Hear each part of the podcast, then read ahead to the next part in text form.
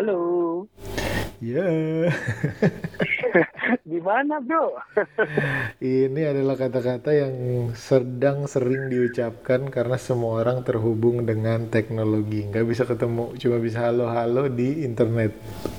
Betul. Dan kita lagi stay apa stay at home ya. Betul. Work from home Yes, semuanya. benar. Masih Ya. seperti biasa, ini kalian sedang mendengarkan podcast Belajar Alkitab. Kita belajar Alkitab lagi sama-sama.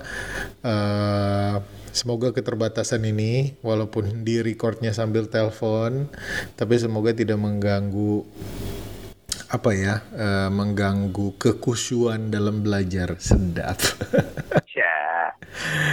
Ya. Eh, Mem, yang penting kalau ada niatnya buat belajar, apa pun metode orang bekerja aja kita bisa kok pakai banyak aplikasi atau pakai telepon kan. Ya. Masa belajar firman Tuhan alasannya karena nggak bisa ketemu, ya kan? ya, ya, ya. Oke, memang ya kita doain buat teman-teman yang juga masih di rumah atau mungkin masih ada yang harus pergi eh, kerja di luar rumah. Kita akan doakan selalu supaya semuanya sehat.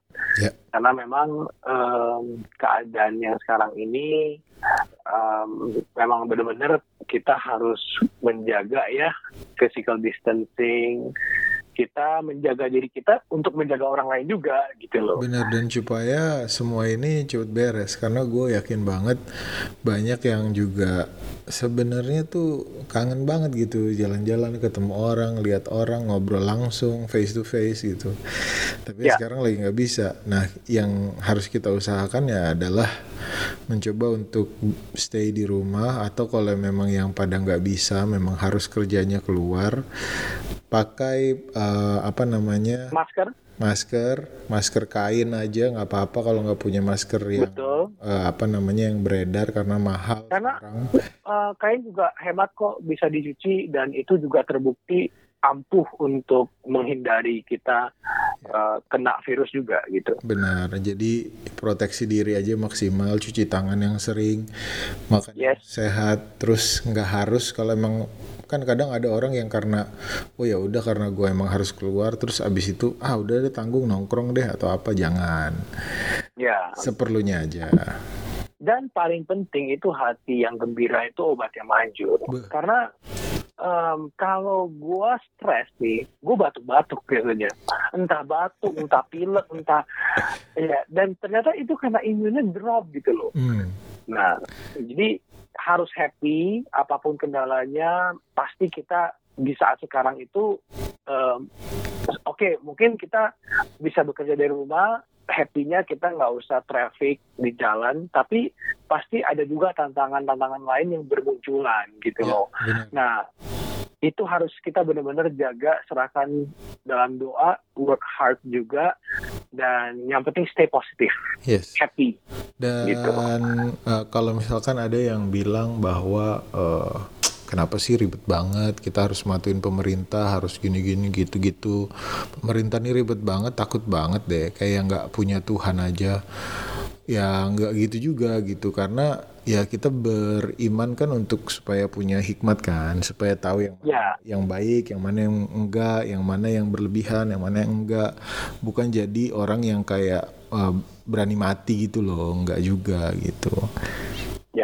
Ya. Dan Ya. peraturan pemerintah ini kan juga kayak ada ada ayat yang bilang bahwa pemerintahan Pemerintah itu ya wakil Allah, gitu ditentuin, kan? ditentuin sama Tuhan juga. Jadi ya udah nurut aja. Betul.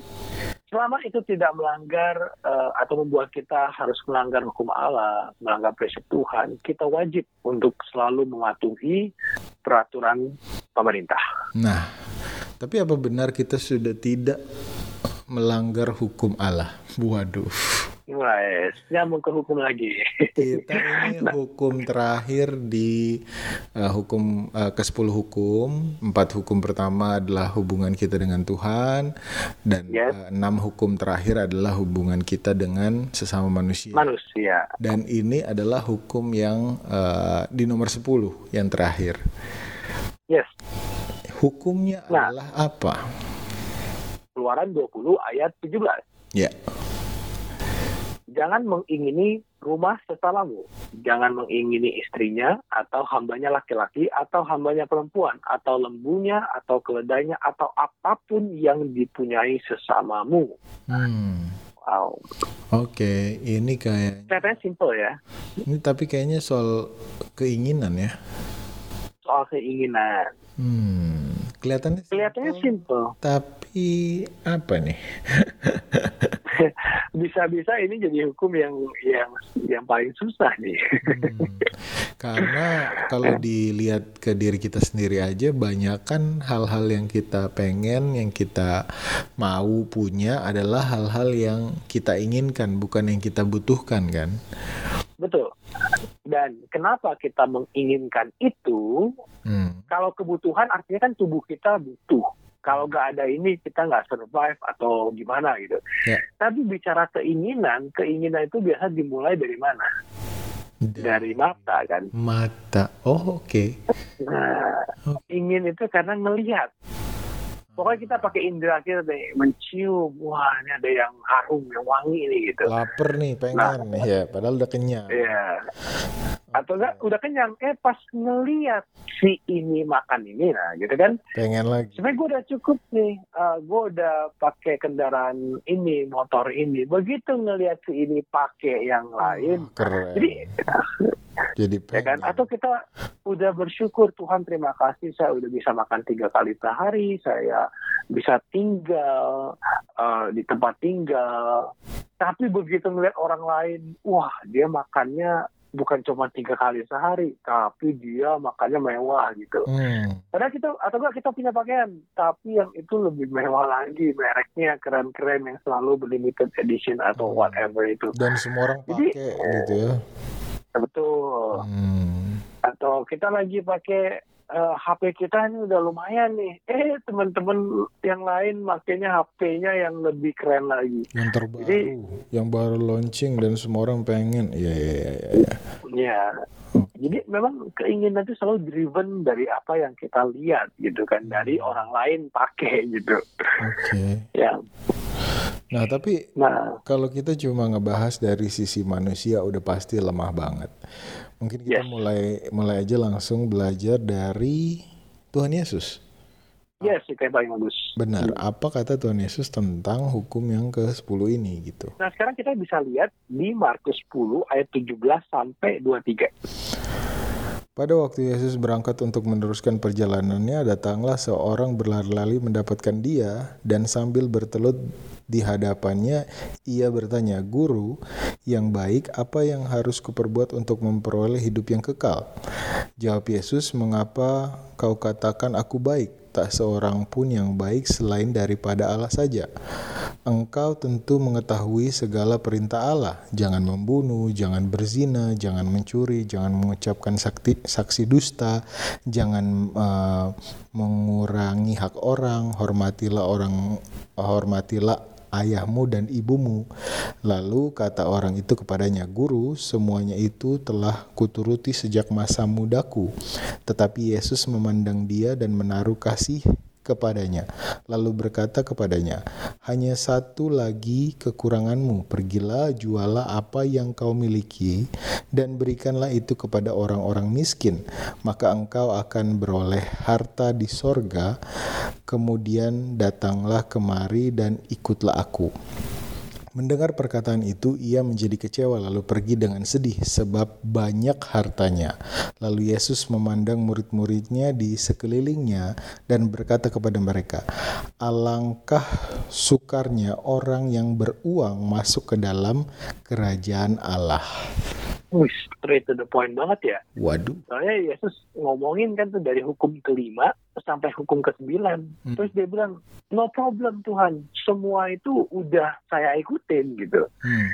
Nah, pas yang terakhir Yesus nggak bilang, kamu mengingini barang sesamamu nggak? Enggak, rupanya Yesus tuh gali lagi lebih dalam. Ya udah, kalau gitu sekarang bagiin, jual hartamu, kamu bagi buat orang-orang yang kekurangan. Hmm. Nah, pas di sini jadi ada satu problem gitu kan. Hmm. Padahal kalau dibilang bukan pergilah jualah seluruh yang kamu punya loh. Lah, cuman mungkin karena dia, lu tahu nggak sih kayak misalnya kita apa ya kita tahu nih sebenarnya ada panggilan buat berbagi misalnya Hmm, hmm. tapi karena kita selalu melawan panggilan itu begitu ada orang yang nyentil padahal cuma nyolek doang gitu Dikit doang. seolah-olah kayak itu kayak uh udah kita sudah ekstrim padahal disuruh berbaginya 10 dia langsung kayak oh harus bagi semuanya Hmm. karena ada perasaan bersalah itu jadi kita kayak responnya langsung ketakutan gitu kan akhirnya salah tingkah gitu loh Karena nggak terbiasa untuk berbagi, jadi ngerasa bahwa pada saat gua tersentil, wah ini saatnya gue memberikan yang banyak nih. Tapi pada saat dia punya perasaan itu juga, dia jadi hitung-hitungan. Aduh, kenapa gue harus kasih banyak banget ya? Udah akhirnya nggak jadi lagi ngasihnya. ya dan, dan dan rupanya Yesus ngomongin hukum ke 10 tuh di dalam konteks itu gitu loh bukan Hmm. bukan cuma hanya mengini tapi berarti lawannya mengingini kalau kamu tidak lagi mengingini barang orang lain Hmm. kamu akan berbagi gitu loh Hmm. Oke, oke, oke, oke. dan memang dengan keadaan kayak sekarang ini kan um, dengan virus corona gitu work from home Hmm. dan kita lihat banyak banget sebenarnya teman-teman kita di luar sana misalnya mereka harus di jalanan Hmm. yang ojek online misalnya Hmm. atau enggak yang yang harus kendaraan kendaraan umum Ya. atau enggak yang harus jualan makanan Hmm. tapi dia uh, di gerobak atau apa banyak banget yang mereka nggak bisa gitu loh kalau disuruh work from home ya mereka mereka benar-benar nggak ada penghasilan apa gitu mau dikerjain di rumah gitu? Iya, dan mungkin rumahnya juga nggak ada gitu. Hmm. Rumah aja mungkin numpang atau gimana. Jadi eh, di sinilah sebenarnya eh, kelihatan gitu loh. Apakah hukum ke-10 ini bisa orang-orang ikutin gitu loh. Hmm. Karena pada saat orang lagi butuh bantuan dan kebanyakan dari kita bisa stay at home, berarti kita punya rumah gitu kan Hmm. Atau kalau kita bisa stay at ataupun kita stay at tempat apakah kos atau apa berarti kita punya masih punya uang untuk bisa bayar gitu Hmm. Pada saat orang Nah. diminta untuk uh, work at uh, work from home, itu artinya kan lu masih punya pekerjaan yang menghasilkan pendapatan, tapi lu bisa stay di rumah. Sedangkan Ya. orang-orang yang keluar di jalan itu walaupun mereka udah keluar karena udah sepi di jalanan, belum tentu juga mereka akhirnya mendapatkan pendapatan. Itu yang dimaksud. Jadi mereka akhirnya susah juga mau keluar nggak keluar sama-sama susah gitu. Betul Hmm. dan di luar mereka pun bertaruh dengan nyawa Hmm. kalau kena dan gua imunnya nggak kuat bisa celaka juga gua nih Betul. dan di sini benar-benar sebenarnya buat kita itu yang apalagi yang udah belajar hukum ini kita diuji gitu loh Hmm, hmm, hmm. ayo yang lebihnya kamu ini saatnya yang Tuhan panggil untuk berbagi nih Hmm, ini udah gak ada saatnya lagi buat pamer-pameran. Ini ada saatnya untuk orang-orang banyak yang kekurangan. Hmm. siap gak untuk uh, ya bagilah ke mereka Oke, gitu kan? Oke. nah ya. Dan jadi memang kalau bicara soal keinginan ini sebenarnya kan kita ngomongin uh, dari tadi konteksnya keinginan kita gitu. Yang mana kita tahu keinginan kita itu belum tentu sesuai dengan keinginan Tuhan Ya, oke. tapi keinginan Tuhan itu pasti untuk kebaikan kita gitu loh. Hmm, Jadi kita sekarang mau coba bandingin eh, gimana sih apa sih yang manusia inginkan dibanding apa sih yang Tuhan inginkan gitu loh. Oke. Nah, jadi eh, kita bisa mulai di 1 Timotius 6 ayat 8 sampai 11. Hmm, Asal ada makanan dan pakaian cukuplah. Tapi mereka yang ingin kaya terjatuh ke dalam pencobaan, ke dalam jerat, dan ke dalam berbagai-bagai nafsu yang hampa dan yang mencelakakan, yang menenggelamkan manusia ke dalam keruntuhan dan kebinasaan. Karena akar segala kejahatan ialah cinta uang. Sebab oleh memburu uanglah beberapa orang telah menyimpang dari iman dan menyiksa dirinya dengan berbagai-bagai duka. Tapi engkau, hai manusia Allah, jauhilah semuanya itu. Kejarlah keadilan, ibadah, kesetiaan, kasih, kesabaran, dan kelembutan. hmm. Oke. Um, Ya. memang keinginan manusia deket banget ya hubungannya sama uang gitu ya. Ya, karena kalau udah punya keinginan yang dilihat mata setiap saat, apalagi sekarang zamannya sosial media ya, jadi lebih gampang ngelihat sesuatu gitu. Karena kita nggak perlu nggak perlu keliling untuk lihat hal yang mewah atau hal yang bagus gitu. Kita cuma buka handphone kita terus kita bisa lihat banyak hal di situ. Akhirnya punya keinginan. Nah, punya keinginan kan mesti diwujudkan. Wujudkannya dengan cara uh, berusaha cari uang sebanyak-banyak ya. Nah, dari situlah kita mulai punya pikiran di mana cinta uang karena dengan uang gue bisa mendapatkan semua yang gue inginkan. Jadi kayak gitu kayak. Hmm. Hmm. Ya, dan yang kita inginkan itu adalah kebanyakan bukan primary needs ya, bukan kebutuhan utama, Ya. tapi udah kebutuhan kesekian gitu kan. Hmm, hmm, hmm. Dan dan sering kali kita malah sampai lupa bahwa sebenarnya Tuhan bilang yang paling penting cuman makanan dan pakaian kan, asal ada makanan pakaian cukup lah gitu loh. Hmm, hmm. Tapi malah kadang-kadang kita berhebat, ya udah kalau bisa gue nggak usah, gue skip lunch dulu deh Hmm. atau gak gue skip dinner dulu supaya gue bisa beli yang gue inginkan contohnya rokok Hmm. gitu loh. Benar, benar. ya kan atau yang gue inginkan makanan juga kok tapi snack snack yang nggak bonafit buat kesehatan gitu Betul. jadi em, memang ini sih yang yang akhirnya menjadi kendala sama kita sebagai manusia gitu Hmm, hmm, hmm, hmm, hmm. Atau enggak yang lebih parah lagi sekarang em, orang-orang yang penting gue bisa eksis nih di sosmed jadi untuk eksis gue ngutang dulu nih Yang penting punya semuanya. nanti ya. ya yang penting kelihatan kelihatan punya semuanya Walaupun semuanya ngutang ya udahlah. ya nggak apa-apa gitu Makanya kan Ya. katanya tadi akar eh, segala kejahatan yaitu cinta uang. Tapi karena tahu tapi karena cinta uangnya itu u- udah konsepnya udah pertama pengen sesuatu. Semua yang dilihat pengen. Akhirnya berusaha cari uang. Berusaha cari uang ini kenapa dibilang akar kejahatan? Karena bisa menghalalkan segala cara demi keinginannya. Iya nggak sih? Hmm, karena lebih ya. masuk aku lebih masuk akal kalau kayak gitu. Misalkan ada orang yang cari uang buat keluarganya. Menurut gua sih itu nggak akar kejahatan. Karena Ya. dia berusaha menghidupi keluarganya. Cuma kalau udah masuk ke tiap hari lihat sosial media terus ngelihat oh teman gue punya sepatu baru oke teman gue punya tas branded oke si ini punya A oh si ini makan di restoran B kita harus kayak gini juga. Terus cari uang yang halal udah nggak dapet udah nggak bisa ngejar akhirnya pakai yang haram.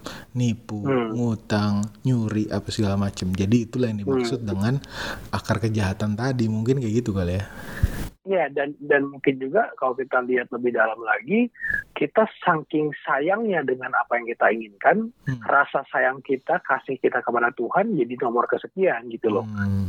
Jadi bukan cinta Allah tapi cinta uang. Uangnya nggak salah gitu loh. Kalau dipergunakan dengan baik, buktinya Yesus bilang jual segala yang kamu punya, bagiin ke orang yang kekurangan kan, Hmm. gitu. itu kalau Ya. udah bisa kayak gitu artinya dia sebenarnya nggak nggak menghitung-hitung hartanya dia nggak menghitung-hitung uangnya dia mau pakai itu buat hal yang berguna oke tapi kalau akhirnya udah disuruh Tuhan aja masih ngelawan karena lebih sayang uangnya demi keinginan ya itu jadi salah Betul, Hmm. betul. Hmm.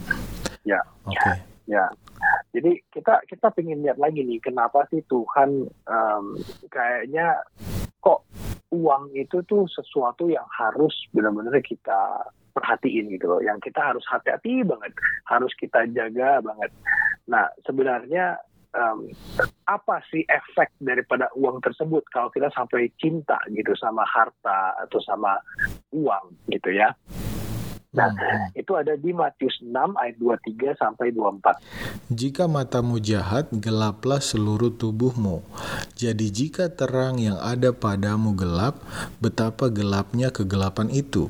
Tak seorang pun dapat mengab- mengabdi kepada dua tuan, karena jika demikian ia akan membenci yang seorang dan mengasihi yang lain, atau ia akan setia kepada yang seorang dan tidak mengindahkan yang lain. Kamu tidak dapat mengabdi kepada Allah dan kepada Mamon. Wow, Hmm. oke. Ya, ya, Ya, ya, ya. Jadi uang itu bisa bikin kita jadi punya dua tuan. Satu tuannya Allah, satu uang tuannya setan melalui uang. Gitu kan. Karena karena uh, orang bisa bilang bahwa oh gua pengikut Tuhan yang setia. Oh gue cinta sama Tuhan. Oh gue apa namanya setia dalam gereja apa segala macem. Tapi kalau memang semuanya jadinya keinginan yang tadi punya dua tujuan satu mau bilang cinta Tuhan tapi yang satu ngejar uang terus ya jadinya si hmm. uang ini adalah berhala tadi hmm. hmm. oke okay. ya Nah, ada ayat lagi nih di Amsal 28 ayat 22. Orang yang kikir tergesa-gesa mengejar harta dan tidak mengetahui bahwa ia akan mengalami kekurangan. Wow. Hmm. Nah, ini malah kalau bahasa Inggrisnya tuh bisa lebih jelas. Hmm. Kalau bahasa Indonesia kan dibilang orang terkikir yang kikir tergesa-gesa mengejar harta. Hmm. Kalau bahasa Inggrisnya dibilang itu King James ya, he that hasted to be rich have an evil eye. Jadi artinya orang yang tergesa-gesa untuk kaya gitu loh. Hmm. Nah, adalah orang yang tidak tahu bahwa dia akan oh dan di, di sini dibilang uh, he that hasted to be rich has an evil eye. Hmm. Orang yang tergesa-gesa untuk kaya punya mata yang jahat, evil eye gitu loh. Hmm. Nah, jadi matanya jahat gitu. Hmm, hmm, hmm. Nah, memang ini tuh jadi dua hal yang bertolak belakang, Karena, mengejar Tuhan hmm. atau mengejar yang sementara yaitu harta gitu. Hmm. Kenapa dia bilang punya evil eye? Karena tujuannya udah harta-harta-harta gitu. Jadi apa yang dilihat gimana caranya untuk bisa menghasilkan uang. Mau itu caranya benar atau mau itu caranya enggak. Semua pada hmm. saat dilihat udah mulai direncanakan supaya bagaimana ini bisa membuat gua menjadi untung gitu kali ya. Dan dari gue punya uang akhirnya gue bisa memuaskan keinginan gue yang gue lihat dari orang lain hmm. gitu kan hmm. bisa beli ini beli itu bisa pamer ini gitu kan orang punya ini yang baru gue juga bisa punya gitu kan hmm. dan, dan akhirnya ini semua memang amazingnya hukum Allah tuh gini ya. Di hukum pertama ingat gak kita kan belajar hukum pertama itu jangan ada padamu Allah lain di hadapanku. Di hadapanku. Dan prinsip di situ adalah kita harus menjadikan Allah yang yang ya yang pertama gitu kan. Ya. Nah, tapi di akhir daripada hukum hmm, Tuhan juga lagi. sebenarnya ingetin lagi gitu loh. Bahwa ya gua yang pertama gitu. Tuhanlah yang pertama. Jangan sampai ya. hal-hal ya. yang duniawi ini kan uang dan keinginan ini duniawi banget. Betul. Itu membuat lu jadi menduakan Tuhan, menomorduakan Tuhan, kayak gitu kali ya. Iya, betul. Dan di hukum yang pertama kan kita dibilang lawannya daripada menjadikan Allah yang pertama adalah diri sendiri kan. Hmm. Karena kita diri sendiri yang selalu menjadi lawan terberat. Hmm. Eh di hukum ke-10 keinginan itu juga muncul dari diri, diri sendiri juga gitu. Diingetin lagi nih diri sendiri. Diingetin lagi. Bahwa diri sendiri juga apa namanya walaupun hubungan kita antar manusia juga kita pasti tetap terpengaruh untuk memuaskan diri sendiri dan melupakan Tuhan. Hmm. Betul. Oke. Okay. Ya. Nah, jadi dari tadi kita membahas bahwa keinginan itu memang deket banget nih hubungannya sama uang gitu. Hmm. Tapi apakah cuman sama uang? Apakah ada hal-hal lain gitu yang sebenarnya menjadi keinginan yang membuat kita melanggar hukum ke-10 gitu. Hmm. Hmm. Nah, coba kita lihat lagi di Yohanes kali ini. Ya. Yohanes yeah. 12 ayat 25. Hmm. Barang siapa mencintai nyawanya, ia akan kehilangan nyawanya. Tetapi barang siapa tidak mencintai nyawanya di dunia ini, ia akan memeliharanya untuk hidup yang kekal. Hmm.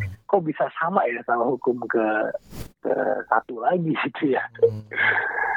Masalah keinginan, masalah diri gitu kan? Hmm. Nah berarti selain uang itu juga ada hal-hal lain yang sebenarnya kalau kita sayang banget juga itu udah mementingkan diri sendiri ya. Misalkan kalau di sini nih contohnya Tuhan ya nyawa gitu. Terus apalagi? Ya nyawa kita. Hmm. nyawa kita itu kan sebenarnya kayak ya itu udah hal yang paling apa ya uh, sebenarnya kan kalau dipikir-pikir oh nyawa nyawa itu kan penting. Tapi bahkan Tuhan bilang nyawa lu nggak lebih penting daripada uh, gua gitu. Daripada Tuhan gitu. Oh. karena nyawa lu di tangan gua gitu kan. Benar juga. Kenapa Jadi- mesti bingung banget gitu ya? M- mungkin Ya. Tuhan gitu loh. Kenapa lu khawatir banget sih? Kan lu punya Tuhan yang harus Ya. lu nomor satukan. Kalau sudah Ya. lu nomor satukan si Tuhan nyawa lu nggak usah lu khawatirkan. Jadi Ya. jangan membuat no apa namanya hal-hal yang menduakan Tuhan gitu ya nomor nomor duakan Tuhan gitu loh ini Ya, ya. ini ini mungkin juga Tuhan mau ngomong bahwa kamu tuh nggak percaya sama aku bahwa aku tuh bisa melakukan apa aja menjaga nyawa memberikan Betul. kecukupan dan apa segala macem gitu Hmm. Hmm, hmm. ya ya dan eh, apa namanya memang jangan sampai sih disalahartikan oh kalau gitu gue nggak usah takut sama sama virus gitu kan. Yang penting gue eh, kita tetap aja gitu kebaktian salah. eh, bersama-sama ya ya nggak nggak begitu juga gitu loh. Karena kita masih diberikan teknologi diberikan banyak hal sebenarnya yang positif eh, untuk tetap bisa melayani Tuhan gitu kan. Dipikir diberikan juga pikiran dan akal sehat supaya nggak eh, be- beda antara percaya dan dan mencobai Nekat. Tuhan. Iya sih? Ya Iya. betul betul. Kalau kita percaya kita positif bahwa eh, dengan kita menurut kita akan aman. Ki- kalaupun kita sakit kita akan disembuhkan. Itu kan percaya tuh. Kalau Betul. kalau mencobai Tuhan tuh jadinya kayak "In- ini sekarang gua sehat and then gua tetap mau melakukan kegiatan gua seperti biasa. Karena gua mau coba nih ke Tuhan. Katanya Tuhan bisa nyelamatin. Katanya Tuhan nggak akan bikin celaka. Nih buktiin dong. Gitu loh. Jadi beda. Padahal udah dikasih tahu jangan keluar gitu kan? Kan ada ayatnya juga yang apa namanya gua kalau orang yang bijak ya. tahu dia dia akan menghindari malapetaka gitu kan eh, sedangkan orang Kalau- yang eh, tidak punya pengalaman akan keluar dan celaka gitu. celaka Jadi ya sebenarnya sih makanya kayak ini gunanya juga kita belajar sama-sama karena jangan sampai kita misalkan nih kita tiba-tiba baca ayat nih Yohanes 12 ayat 25. Oh gitu. Ya udah deh. Gua Oke. serahkan nyawa gue ke Tuhan, udah jalan. Atau cuma baca satu ayat gitu loh. Ya ini konteksnya adalah jangan sampai kita kita sampai menyayangi diri kita nyawa kita lebih daripada Tuhan Ya, ya, ya, ya. gitu. Nah, dan kalau kita lihat di ayat sebelumnya, tadi kan Yohanes 12 ayat 25.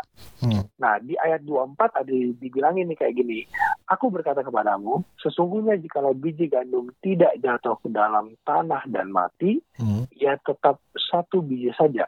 Tetapi jika ia mati, ia akan menghasilkan banyak buah. Hmm. Nah, jadi itu artinya bukan mati, kita harus mati benar-benar dead gitu. Tapi maksudnya kita tuh eh, mati itu mematikan semua hawa nafsu gitu loh. Hmm. Mematikan diri kita dan jadi kita jangan berpikir selalu untuk menyelamatkan diri, Hmm. tapi kita pikirin lah untuk orang lain. Kan prinsipnya berbagi di sini. Hmm. Kenapa kita takut berbagi? Karena kita takut kurang gitu kan. Benar. jangan jangan takut kurang gitu loh. Sebenarnya kita bu- bukan takut kurang, kita takut tidak berkelebihan gitu loh. Karena kita mungkin udah ada apa saving, apa kita takut jadi gak punya lagi gitu. Jadi mau selamatkan diri gitu loh. Tapi prinsip Kristen sebenarnya lu jangan khawatir. Yang penting asal ada makanan, pakaian, hidup lu Tuhan jaga kayak burung pipit. Yang ada lebihnya bagiin Hmm. gitu. Hmm. Ya, Mungkin di sini juga mau dibilang bahwa kita harus mematikan ya tadi segala keinginan. Kalau kita kita keinginan duniawinya nggak ada, kita cuma fokus ya kita butuhnya makan, oke. Kita butuhnya rumah, Tuhan kasih yang kecil cukup, ya udah oke. Tapi kalau kita eh, punya keinginan yang segala macem gitu, punya rumah kecil, kok nggak bersyukur, nabung lagi Hmm. Pengen rumah Hmm. gede udah rumah Hmm. gede kurang lagi wah pengen lebih gede daripada ini karena si itu lebih gede lagi akhirnya uang-uang yang atau berkat-berkat yang Tuhan kasih ke kita yang sebenarnya tuh dilebihin untuk kasih ke orang itu jadi buat Hmm. kita sendiri gitu loh ya, ya. Nah itu gunanya untuk mematikan si keinginan tadi supaya berkat-berkat yang kita punya itu kita ada rasa cukupnya. Oh segini nih buat gua. Yes. Ini bisa buat bantu apa ya? Gitu kali ya. Dan, dan salah satu cara yang terbaik untuk kita bisa melatih untuk membuang keinginan-keinginan itu adalah apa? Bisa dengerin si episode kita uh, yang beberapa episode sebelumnya itu tentang persembahan dan persepuluhan gitu. Hmm, benar. Nah, karena kalau kita belajar untuk kasih persepuluhan, kita belajar untuk kasih persembahan, itu adalah kita start the small step gitu dari langkah yang kecil. Nanti lama-lama kita bisa bisa eh kok gue jadi nggak egois lagi ya gitu. Hmm, Tapi kalau kita mm, uh, selalu apa kasih makan keinginan kita itu terus, hmm, jadi kenapa sih Tuhan mau orang Kristen itu sebenarnya jangan sampai berkelebihan banget?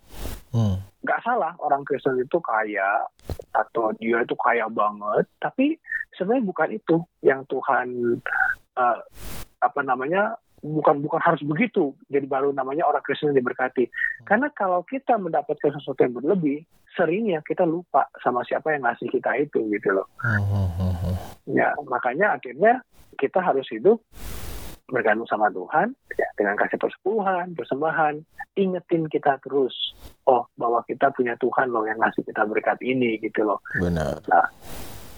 Ya. Ya, ya, Nah. ya, ya. Memang masalah keinginan uang itu eh, dan masalah ujung-ujungnya kan bikin kita meninggikan diri, memegahkan diri. Memang sering kali itu ya oke lah jelas kalau misalnya orang yang kayak gitu kelihatan. Nah, eh, tapi kadang-kadang kita kan bisa nanya kayak gini. Eh, saya sih nggak sampai separah itu. Saya masih mau kok berbagi. Hmm. Saya eh, mau kok untuk eh, share apa yang saya punya sama orang lain Hmm, tapi eh, memang sih kalau jujur di dalam diri saya tuh masih punya tuh eh, jiwa mengingini tapi sedikit aja kok gitu nah ya maksudnya gue buktinya masih suka tuh lihat Instagram gitu kan. Dan gue suka tuh lihat orang orang punya apa.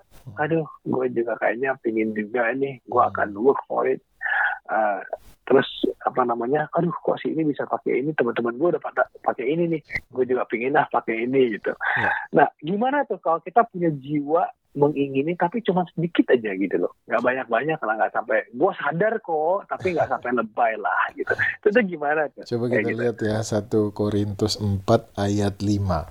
Karena Oke. itu janganlah menghakimi sebelum waktunya, yaitu sebelum Tuhan datang. Ia akan mener- menerangi juga apa yang tersembunyi dalam kegelapan, dan ia akan memperlihatkan apa yang direncanakan di dalam hati. Maka tiap-tiap orang akan menerima pujian dari Allah. Wow. Oke. dan dia akan memperlihatkan apa yang direncanakan di dalam hati Hmm, hmm, hmm, hmm, hmm. ya ya mungkin kita kan kadang ada kan kayak yang mau nyombong tapi elegan gitu loh. Kayak, tapi Tuhan tahu gitu loh. Lu mau nyombong kan? Heeh. kita kita bisa bilang ke orang bahwa gue tuh sebenarnya enggak gue tuh cuma pengen bantu apa segala macam tapi di dalam hati kan cuma kita sebenarnya sama Tuhan yang tahu. Yes. ya sih? Yes. Heeh. Yes. Ya Jadi dan itu Tuhan- di situ memang Tuhan adil banget sih Heeh. dia ngejudge kita bukan apa yang kelihatan gitu tapi dia tahu sampai ke hati yang paling dalam gitu motif lu apa sih gitu kan Yes. oke oke oke Hmm. Iya balik-balik ujungnya ke hati lagi ya. Hmm. hati, penyangkalan diri. Memang hukum Allah tuh di situ-situ aja ya. Memang Tuhan tuh simple ya, nggak nggak ribet gitu. ya. dan dan apa namanya ini bukan cuma soal harta aja ya cuma bukan cuma soal uang bukan cuma soal apa namanya pamer dan segala macam ini juga bisa termasuk eh, ke dalam pada saat kita melayani juga mungkin kita Ya. melayani di gereja atau Hmm. mungkin kita melayani di eh, sebuah tempat misalkan yatim piatu kah atau panti jompo kah atau apa gitu Hmm.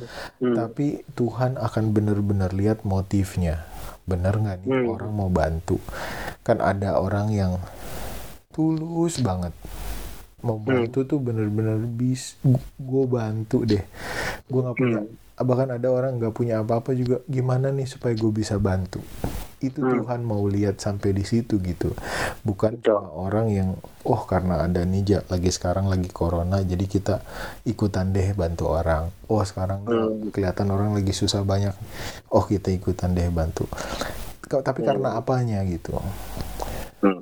Masih mending kalau kayak gitu. Tapi wah orang lagi eksis nih, mereka bantu terus mereka bisa posting nih. Dan ya maksudnya em, kita tidak berhak menghakimi orang karena orang punya cara Tapi- masing-masing ya Hmm. hanya hati-hati aja dengan kita harus ingat aja gitu. Hmm. Apakah kita bantu karena kita motifnya dilihat gitu atau karena apa gitu kan? Hmm. Dan memang ada juga orang-orang yang membantu terus dia posting. Memang dia bukan buat nyombong, tapi dia mungkin berbisnis. Jadi dia mau naikin trustnya customer. Jadi memang kita nggak boleh menghakimi. betul Dan itu semua Tuhan yang tahu gitu. betul atau tujuannya inspire orang untuk makin banyak yang bantu Yes, Bisa yes, juga. yes. Gak ada yang salah Ya. cuma Ya. lagi-lagi yang dimaksud dari ayat tadi adalah Tuhan kok yang akan lihat hatinya Hmm. kayak apa tujuannya sebenarnya apa gitu Yes, betul. oke Nah. lanjut Makanya ada apa namanya eh, kan di Matius 22 tuh ayat 35 sampai 40. hmm. Itu kan ada yang tanya ke Tuhan kan. Hmm. "Eh, guru hukum manakah yang terutama dalam Hmm. hukum Taurat? Hmm. Akhirnya Yesus bilang kan tuh bahwa yang pertama itu kasihlah Tuhan Allahmu, Hmm. baru yang kedua adalah kasihlah samamu manusia seperti dirimu sendiri. Hmm. Nah, terus dibilang terakhir pada kedua hukum inilah tergantung seluruh hukum Taurat dan kitab para nabi. Hmm. Nah, kalau kita lihat yang paling penting itu mengasihi Tuhan lalu mengasihi sesama manusia. Hmm. Tapi nggak ada tuh ditulis kasihilah dirimu sendiri gitu loh. Nggak ada yang sesuatu yang menyangkut diri kita, ego buat egois atau buat uh, menyelamatkan diri kita sendiri, keinginan sendiri itu nggak ada di dalam hukum Taurat. Itu selalu tentang giving orang lain, Tuhan gitu loh. Hmm. Apa yang keluar dari kita bukan apa yang masuk ke dalam lumbung kita gitu, tapi apa yang keluar dari lumbung padi kita gitu. Itulah sebenarnya tentang hukum. Hmm. Inilah yang Tuhan inginkan dari kita sebenarnya bahwa keinginan Betul. kita adalah harusnya mengasihi Tuhan dan mengasihi sesama karena Ya. kebutuhan kita udah dicukupkan sama Dia udah pas udah apa namanya sehat udah nggak kekurangan nah saatnya Ya. keinginan kita itu kita ubah untuk keinginan kita bagaimana untuk menyenangkan hati Tuhan keinginan kita untuk bagaimana membantu saudara-saudara kita orang tua Hmm. kita kita baikin sopan Ya. dan apa segala macam karena itu yang Tuhan mau dua itu tadi intinya Betul. Amin. Nah, terus ada satu ayat lagi nih yang bagus di 1 Timotius 1 ayat 5. Hmm. Dibilang, tujuan nasihat itu ialah kasih yang timbul dari hati yang suci, dari hati nurani yang murni, dan dari iman yang tulus ikhlas.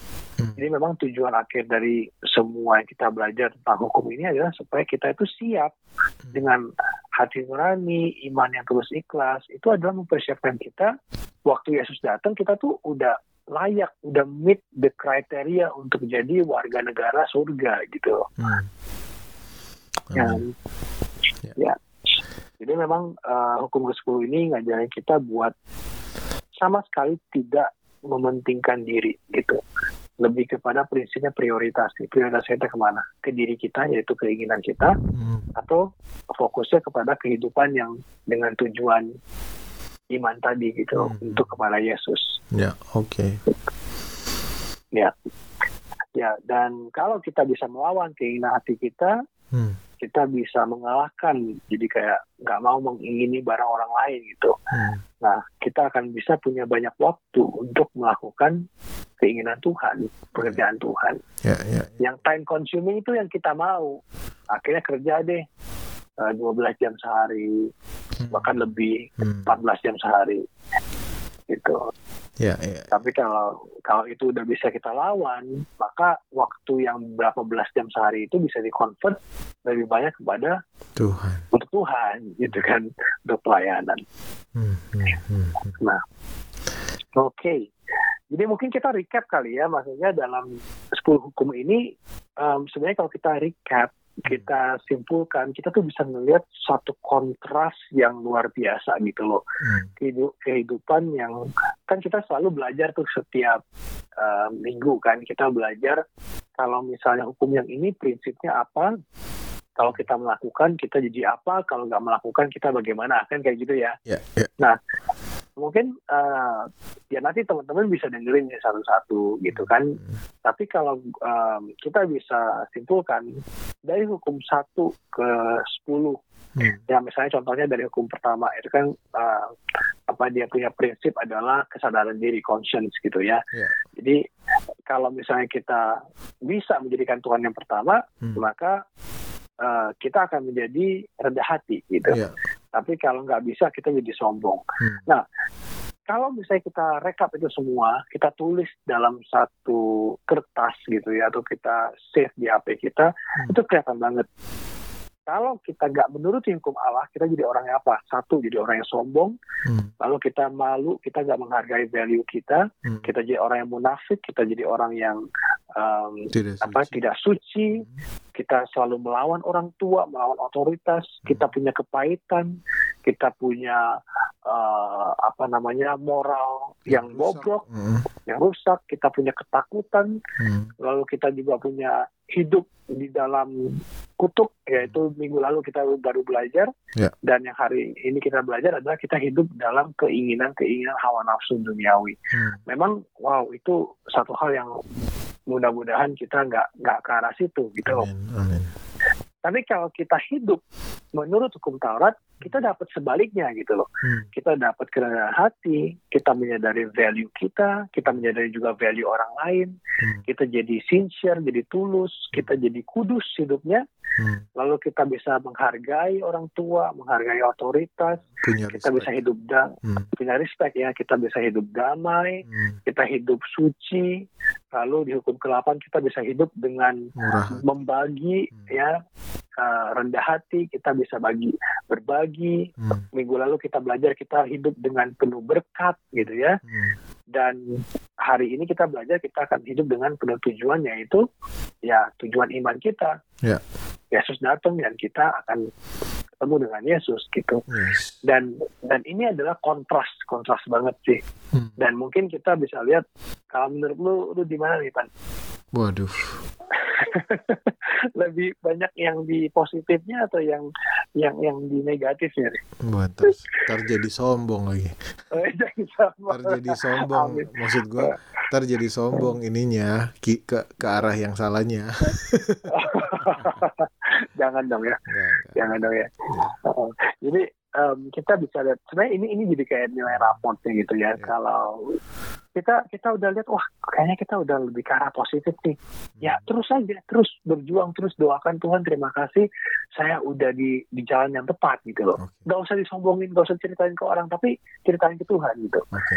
Mungkin kita Ya. ulang lagi kali ya. Kalau yang Boleh? apakah kita bertanya ke diri sendiri apakah kita sudah eh, rendah hati? Apakah kita Ya. sudah mementingkan Tuhan dibanding kita? Itu yang Hmm. pertama. Ya. Apakah kita udah udah mengecilkan diri kita dan lebih eh, mendengarkan apa yang Tuhan mau? Ya. Yang kedua adalah apakah kita menghargai orang? Ya? Ya. Apakah kita ngelihat orang tuh sebelah mata apa enggak? Apakah kita sangat sangat apa menghargai bantuan orang, menghargai eh, apa namanya kehadiran orang? Karena kayak zaman lagi sekarang nih pas lagi corona gini i- ini adalah hal yang sangat berharga. Lu bisa ngelihat orang langsung ketemu sama bokap nyokap itu berharga banget sekarang. Nah, kita kita nggak bisa nih, apalagi orang-orang yang ngerantau gitu, susah, Ya. nggak bisa pulang kampung juga.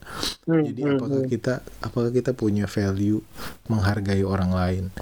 Terus Hmm. apakah sekarang kita jadi orang yang tulus, Hmm, orang yang nggak munafik, orang Hmm. yang melakukan sesuatu tuh nggak dibuat-buat atau nggak ada tujuan Hmm. di belakangnya, ya? Ya.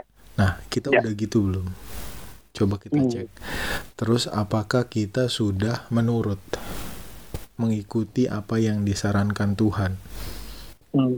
untuk supaya hidup kita menjadi uh, Hidup yang kudus. hidup yang kudus karena itu yang Hmm, disarankan Tuhan. Tuhan itu kudus. kita nggak bisa sama-sama dia kalau kita nggak hidup kudus.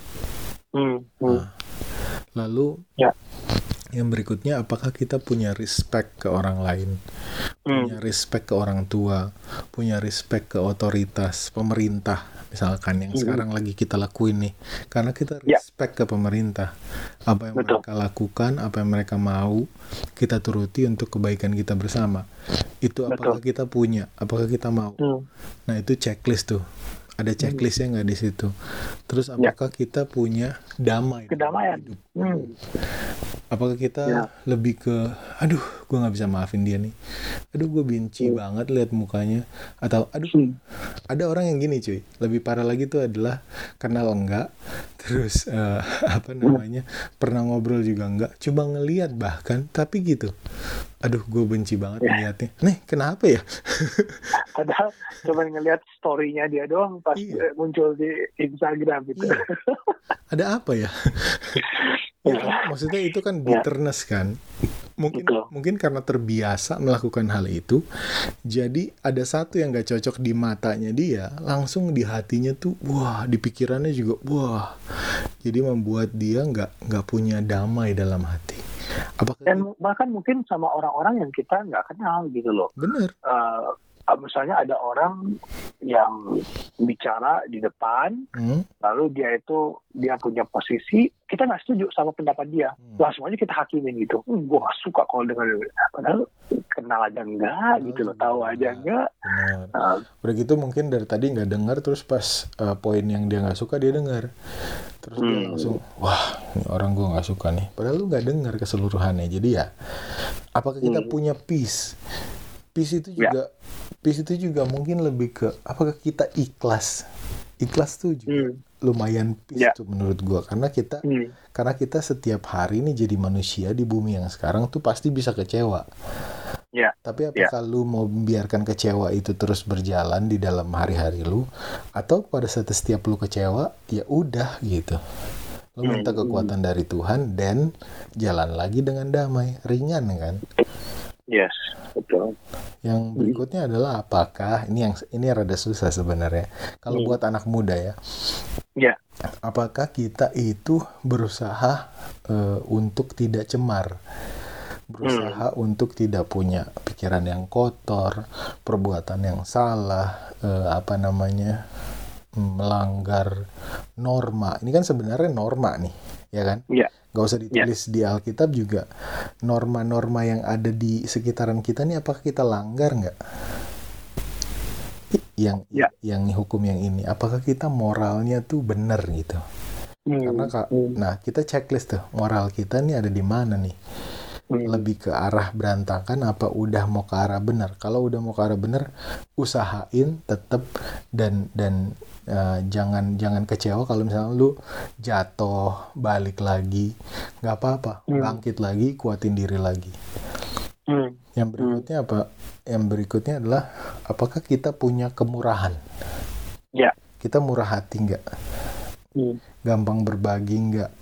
Kita Hmm. eh, apa lagi ya? Hmm, rajin kita membantu nggak? hidup. Betul, Hmm, hmm, nggak males-malesan gitu ya. yes. Hmm, yang berikutnya lagi yang yang ke eh, apa namanya? Sembilan, ke sembilan kita itu jujur nggak hidup Jujur. itu? benar. Eh, kita jujur jujurnya bukan cuma sama orang loh. Kadang Ya. kita juga nggak berasa kita nggak jujur sama Tuhan kita Hmm. nggak kita nggak jujur sama diri sendiri kita bilang oh Ya. kita kita bisa oh kita kita bilang kita apa namanya kita udah oke di posisi yang sekarang oh kita nyaman dengan apa segala macam tapi sebenarnya mungkin kita nggak jujur Hmm. lama-lama larinya kita ke arah bitterness nanti terus nanti Ya. kita nggak punya peace dalam hidup gitu. hmm, hmm, terus yang Ya. terakhir adalah tujuan kita udah bener belum hmm. apakah kita selama ini ng- ngikutin keinginan aja nah kalau ini gua gua bilang gua masih ke yang keinginan Hmm. Ya, ya.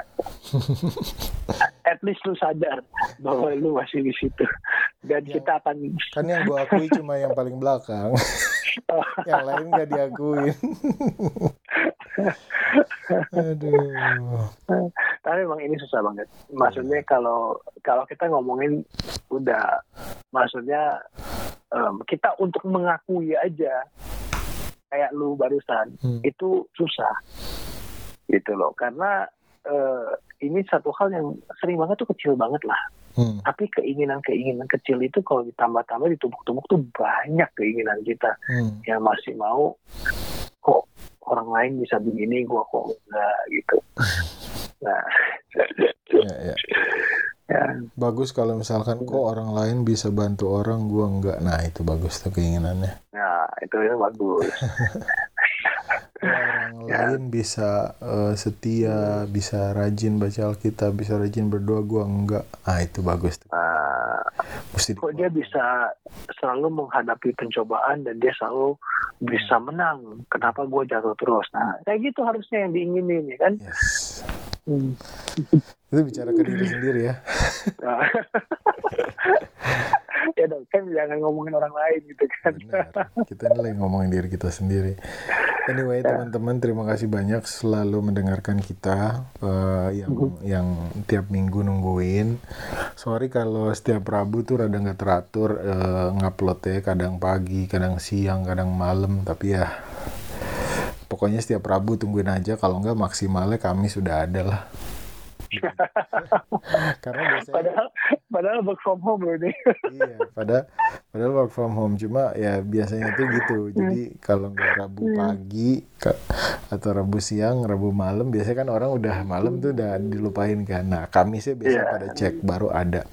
Nah eh, terima kasih udah mendengarkan dan belajar sama-sama kita bareng-bareng karena kita nih saling ingetin. Gue sama William terutama kita berdua tuh suka chat-chatan soal kita bahas apa nih kita bikin konten apa di Instagram supaya mengingatkan Hmm. diri kita juga gitu.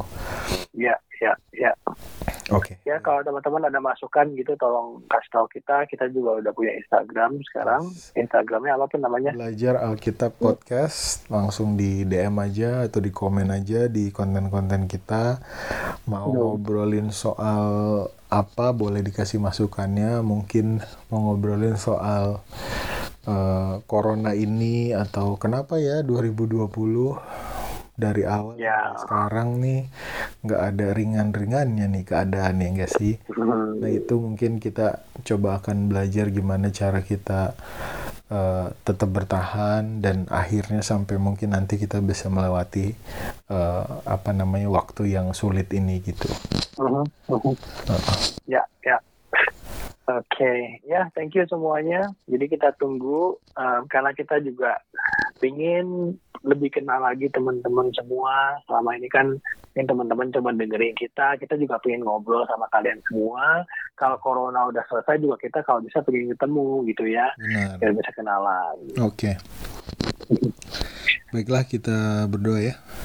Oke, Bapa yang dalam surga, Tuhan Yesus, terima kasih Tuhan Engkau masih memberikan kami kesempatan untuk belajar di waktu yang sangat sulit ini Tuhan, di waktu yang sangat eh, mengkhawatirkan Tuhan, tapi biarlah Engkau memberikan hati kami yang tenang supaya kami fokus kepadamu saja Tuhan. Tuhan biarlah dari pelajaran ke-10 hukum ini kami bisa berubah Tuhan. Karakter kami semakin baik, karakter kami sesuai dengan apa yang kau ajarkan Tuhan. Biarlah checklist dalam hidup kami, poin-poin ke 10 poin, bahkan lebih dari 10 poin ini bisa semakin hari semakin bertambah dalam kehidupan kami Tuhan. Bantu kami Tuhan, biarlah Engkau membersihkan hati kami, tahirkan hati kami Tuhan, karena tanpamu Tuhan kami tidak bisa melakukannya Tuhan. Terima kasih Tuhan, kuatkan kami, karena kami mau belajar karena kami juga butuh perlindunganmu bersama keluarga kami di mana pun mereka berada. Hai dalam namamu Tuhan Yesus Kristus kami mohon ampun dan mengucap syukur dalam nama Tuhan Yesus Kristus kami alaskan doa ini. Haleluya. Amin.